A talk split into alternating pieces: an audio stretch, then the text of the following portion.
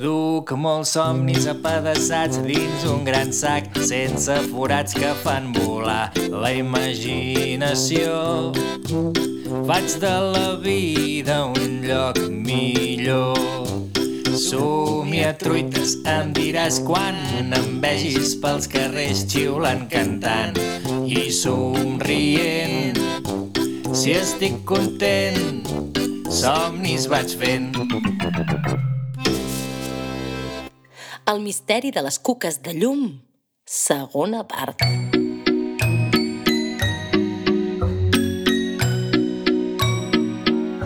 De bon matí, la colla es trobà sota l'olivera de la placeta. Un a un van arribar-hi amb la mosca sota el nas, emmorriats i amb una pregunta.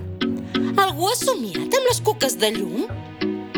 Tothom pensava que era l'únic que no havia tingut el somni del gegant, però la veritat era que ningú havia somiat amb les cuques de llum. Que estrany. En somiatruites mai fallava quan prometia un somni.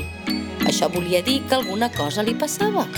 Estava clar que hi havia una relació entre el somni, que no els havia creat, i el misteri d'aquell esclat de llums i colors que sortia del casalot del gegant des de feia tres nits.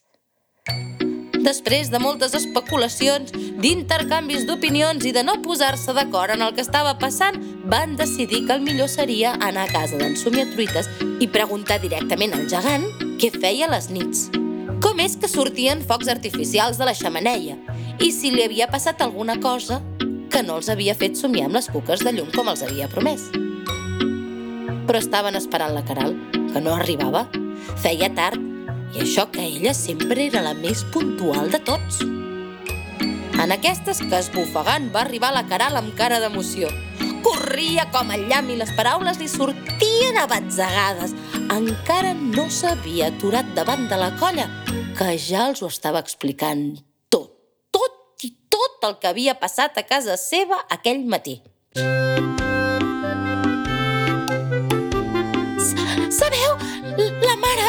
Aquest matí s'ha despertat tota atabalada perquè es veu que, que, que ha tingut un somni molt estrany.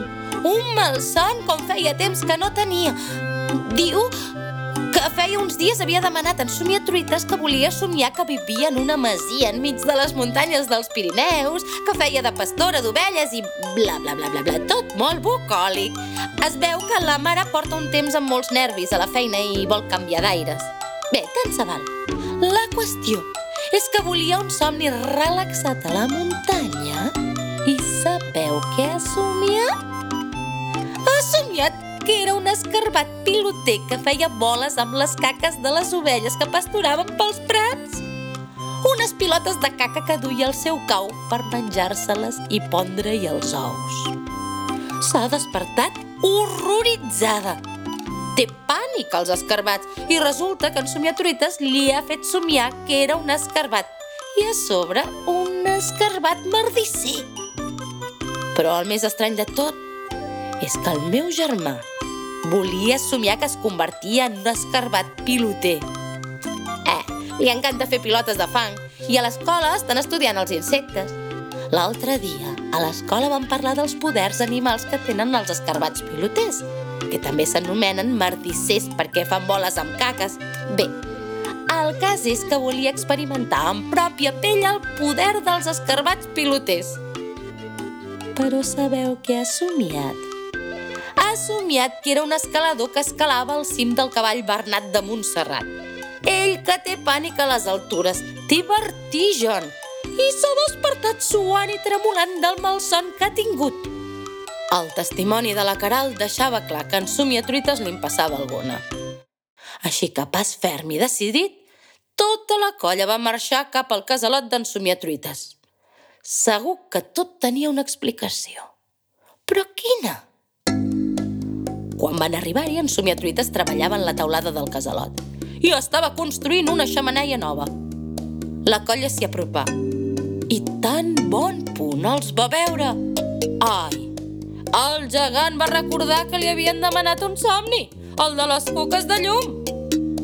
El gegant estava convençut que aquella canalla havia anat a reclamar-li el somni que no havia tingut temps de fer.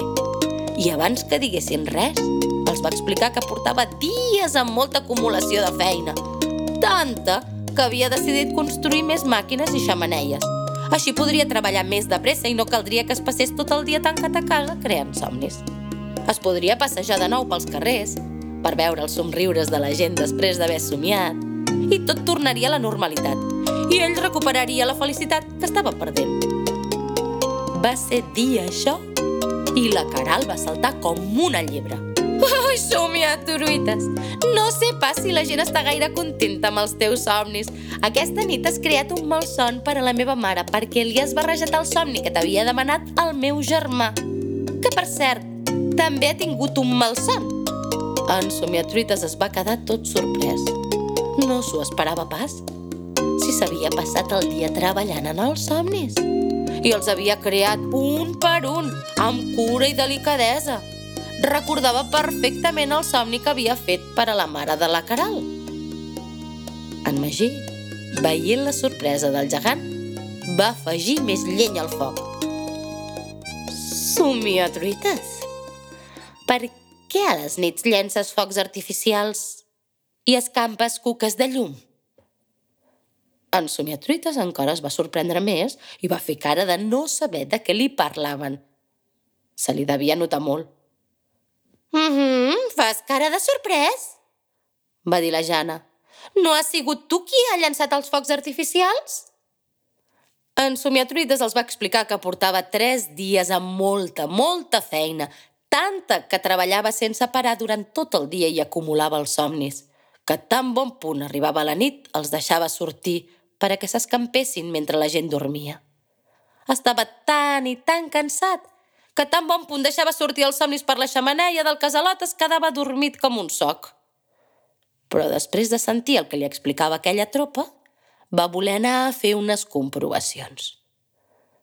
Va demanar a la Caral i en Naur que se li enfilessin a la mà i els va pujar fins dalt de la taulada. Serien els encarregats de mirar per la xamaneia quan ell els ho digués. Lot, l'Àreu i en Guifré van anar a buscar una de les saques plenes de somnis que tenia acumulades el gegant i en Magí i la Jana van acompanyar en Somiatruites a revisar els engranatges de la màquina de crear somnis. I així va ser com aquella colla i el gegant van posar-se a treballar en equip per descobrir què passava durant les nits. Per què sortien focs artificials a la xamaneia del casalot dels somnis? En Magí, de seguida va veure que els engranatges estaven mig bloquejats. Hi havia pols de somnis acumulada. Devien ser somnis que no havien acabat de sortir. Així que en Somiatruites va demanar a l'Ot, l'Àreu i en Guifré que obrissin la saca per a posar-hi aquella pols. Eren somnis que reciclaria per més endavant. Llavors va demanar a Naur i la Caral que miressin per la xamaneia i van al·lucinar. Uau, uau, uau! Hi havia centenars, milers de cuques de llum enganxades a les parets interiors de la xamaneia. Amb el cap ficat dins de la xamaneia, els dos marrecs van cridar tan fort, tan fort, que van fer retronar tota la casa i va provocar que aquells puntets lluminosos es desenganxessin de les parets i sortissin volant xamaneia amunt no eren cuques de llum, sinó guspires de somnis. L'estol de llumanetes es va escampar pel cel i va desaparèixer a l'horitzó. Aquella colla estava al·lucinant. Llavors, en Somiatruites va engegar les màquines buides de somnis i al cel van esclatar tres o quatre punts de llum que semblaven palmeres lluminoses eren les últimes coetades d'aquell embús que havia provocat el desgavell de somnis i malsons. La colla estava satisfeta per haver resolt l'enigma i en Somiatruites estava agraït perquè aquells infants l'havien ajudat a arreglar un problema que es podia haver agreujat si no hi posaven remei. Així que, en senyal d'agraïment, va convidar-los a tots a una llimonada refrescant. Mentre es prenien la llimonada al pati del casalot, van veure com de dalt del cel baixava planejant, com si fos un paracaigudes, un paperet blanc. Semblava una carta. Va caure al cap de la Caral, que quan ho va veure es va quedar gelada. Somiatruites! Mira que ha caigut! És una carta, és... És la carta que vaig escriure jo, ho recordes? És el somni del llop llaminer que et vaig demanar i que mai no em va arribar. Em vaig enfadar de valent perquè no me l'havies fet i tu estaves convençut que sí que l'havies creat. Guaita! Crec que hem resolt el misteri. Tu i jo teníem raó. Es devia quedar encallat a la màquina dels somnis. La colla i el gegant van esclafir en una rialla. Ai, que bé que s'està quan s'està bé. Quan van acomiadar-se, el gegant va prometre a la Caral que aquella nit tindria el seu somni del llop llaminer. La resta de la canalla va demanar que també voldria somiar amb el llop llaminer de la Caral. I així els ho va prometre. Tindrien un somni col·lectiu. Aquella tarda, en Somiatruites va treballar de valent per a tenir a punt la nova màquina dels somnis amb doble xamaneia. Ara podria crear molts més somnis cada nit sense que la feina se li acumulés. I va arribar la nit. I les màquines van començar a fer xup-xup.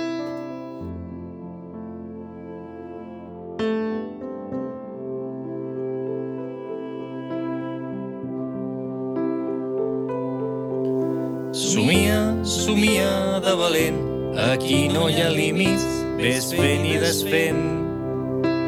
Somia, somia de valent, camina pels núvols, que et braça-li el vent.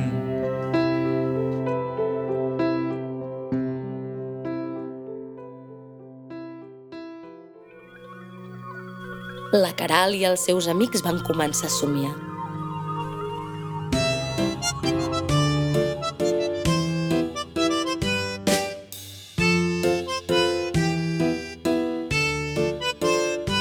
Somni era de colors vius i lluents i feia olor de pastís i caramels. La Caral somiava que era... que era... que era un llop. Au, au, au! Tenia morro de llop, cua de llop, panxa de llop i barret de copa. A més a més, caminava com els llops dels contes, dret com una persona i amb posat panxa content. Au, au! El llop caral va veure com al final del prat pel que passejava, que estava fet de... fet de... fet d'encenalls de xocolata verda. Sí, fet d'encenalls de xocolata verda, hi havia una caseta. Estava feta de cotó de sucre i a dins s'hi trobava un porquet. Duia ulleres com l'ot. Potser era el porquetot. La Caral va trucar a la porta. Obre'm, porqueta, bufaré, bufaré, bufaré, i la casa a terra tiraré. I abans que es posés a bufar, el porquet li obrí la porta. Hola, llop, t'estava esperant. Agafo la trompeta i vaig a buscar el meu germà, que avui farem festa grossa. Som-hi? El llop caral va quedar-se tot sorprès. Oh, aquell porquet no tenia por que se'l mengés. Llop i porquet van emprendre el camí. Abans d'allunyar-se de la caseta, però, el llop es va girar i va bufar, bufar i bufar. I la casa de cotó de sucre va sortir volant. El llop caral va obrir la boca i la casa de sucre li va caure dins. Patam! La van drapar d'una queixalada. Nyam! I van arribar a casa de l'altre porquet. Estava feta de bastonets de xocolata. I el llop caral va cridar Porquet, porquet, surto, bufaré, bufaré, bufaré, i la casa a terra tiraré. I el porquet va sortir. Ei, ei, ei, ei, ei, espera el llop, no bufis tot sol, que la meva caseta és molt resistent. Au, va, germà, ajuda'm i bufem tots tres. Aquell porquet duia unes bambes vermelles, com les que sempre duia en Guifré, i una guitarra a l'esquena. Era potser el porquet Guifré que sonia per anar a la festa? El llop i els dos porquets van bufar, bufar i bufar, i aquells bastonets de xocolata van sortir volant pels aires i van caure directes a la boca dels tres companyons, que seguien el camí fins a arribar a la casa del tercer porquet, que estava feta de carmels de Sant Madí. Obre'ns, porquet! va cridar el llop. Oh, bufaré, bufaré, bufaré, i la casa a terra tiraré. Al tu les seques! No bufis pas, que aquests carmels estan tan enganxifosos que la casa a terra no tiraràs va dir el tercer porquet a qui faltaven dues dents de dalt i una de baix com... Com li faltaven en Magí? Que potser era el porquet Magí? Espereu-vos un moment que agafo el meu timbal i a la festa farem cabal. I així, aquella colla va seguir caminant. El camí estava empedrat amb xocolatines de colors. Van arribar a una cruïlla. Ara ens hem de dividir, va dir el llop. Queda passar per casa de les set cabretes. Feu via cap a la festa, que jo no trigaré a venir. I així va ser com els tres porquets van anar per un cantó i cap a l'altre camí el llop va enfilar fins a arribar a una caseta feta de xocolata blanca. Va trucar a la porta de xocolata i va cridar «Obriu, cabretes, que sóc el llop!» «No, no, no, no, no, no t'obrirem pas!» va dir la cabreta que duia una jaqueta de coloraines feta de llana, com sempre porten Naur. I per què no? Perquè la mare no ens deixa obrir fins que ella no sigui aquí, va replicar la cabreta hereu. I va ser dir això i va aparèixer la mare cabreta, que s'assemblava, s'assemblava a l'Alba. Doncs va arribar la cabreta Alba, tot fent saltirons. I en veure el llop va cridar «Llop, surt d'aquí si no vols acabar el parat!» que ara obriré la porta de casa i sortirà tot el ramat. I així va ser com aquella cabra va obrir la porta de casa i totes les cabretes van sortir com boges fent saltirons i llançant-se als braços de la mare cabra. Tenien la cara de cadascun dels minyons de la colla de l'escola. Van rodejar el llop i en cercle van començar-li a cantar. Passegem-nos pel bosc, ara que encara no és fosc. Quan el llop vindrà, ja no ens trobarà. Llop, que vens? I el llop, enjugassat, va respondre M'estic menjant la porta de xocolata! Culafre! I jugant i cantant, el llop i les cabretes van enfilar el camí cap a la festa. El camí estava fet de coco amb pols Semblava nevat i el llop es va quedar fent un ninot de neu. Bé, un ninot de coco, mentre les cabretes avançaven juganeres. I quan va voler seguir-les, ja no hi eren. En aquestes que fent saltironets va arribar una noieta encaputxada. Era la caputxeta vermella, que tenia el mateix nassarró que la Jana. Era la caputxeta Jana. Hola, llop! que estàs perdut enmig del camí. Ai, caputxeta, ara no sé cap on he de tirar si a la festa vull arribar. Segueix-me, que farem junts el camí. Jo duc el anar per a la festa. Val més que ens afanyem perquè fem tard. Au, va, que tenim pressa! Per fer via, el llop va dir a la caputxeta si volia que la dugués a coll i bé. I així ho van fer. El llop va arrencar a córrer quatre grapes com un llop de debò. Au, au! Amb la caputxeta ben agafada al cistell i el seu clatell. La festa es feia enmig d'un prat, on hi havia arbres de crema cremada, pedres de trufa i un llac de nata muntada. Els tres porquets tocaven cançons, les cabretes ballaven, la caputxeta repartia pastís i el llop... El llop bufava espelmes per celebrar que ja feia un any que no menjava cabretes, ni caputxetes, ni porquets, sinó mones de Pasqua, ous de xocolata, torrons i panellets.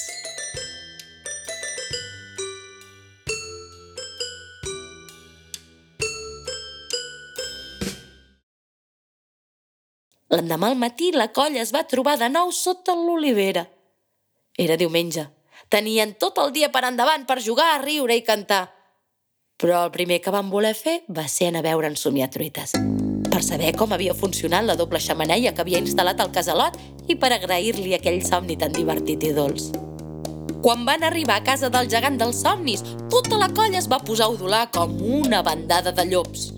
En Somiatruites va treure el cap pel finestral i s'hi va afegir. Au, au! I aquella bandada de llobatons va seguir jugant i fent camí.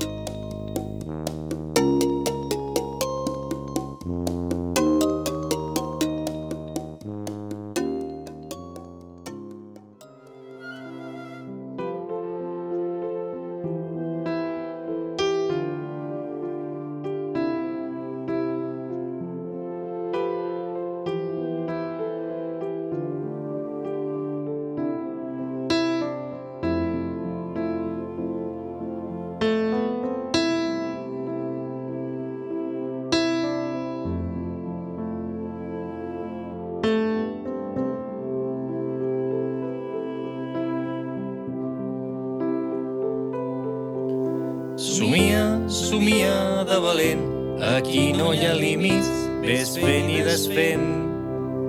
Somia, somia de valent, camina pels núvols, que et braça-li el vent. I fins aquí l'aventura d'avui. I recorda, somia, somia de valent. Tu no t'aturis, ves fent, que amb il·lusió causarà sensació i faràs de la vida un món millor.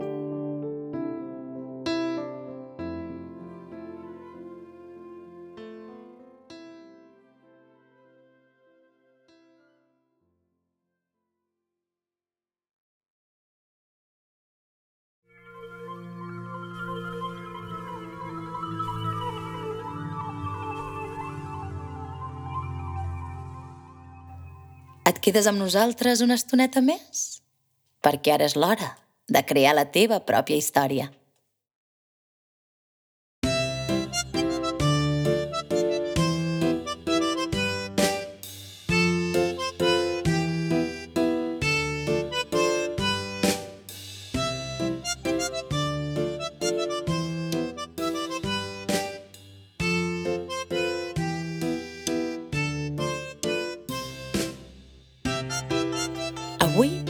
Deixarem que la nostra imaginació ens dugui fins a un bosc amb animalons estrafolaris.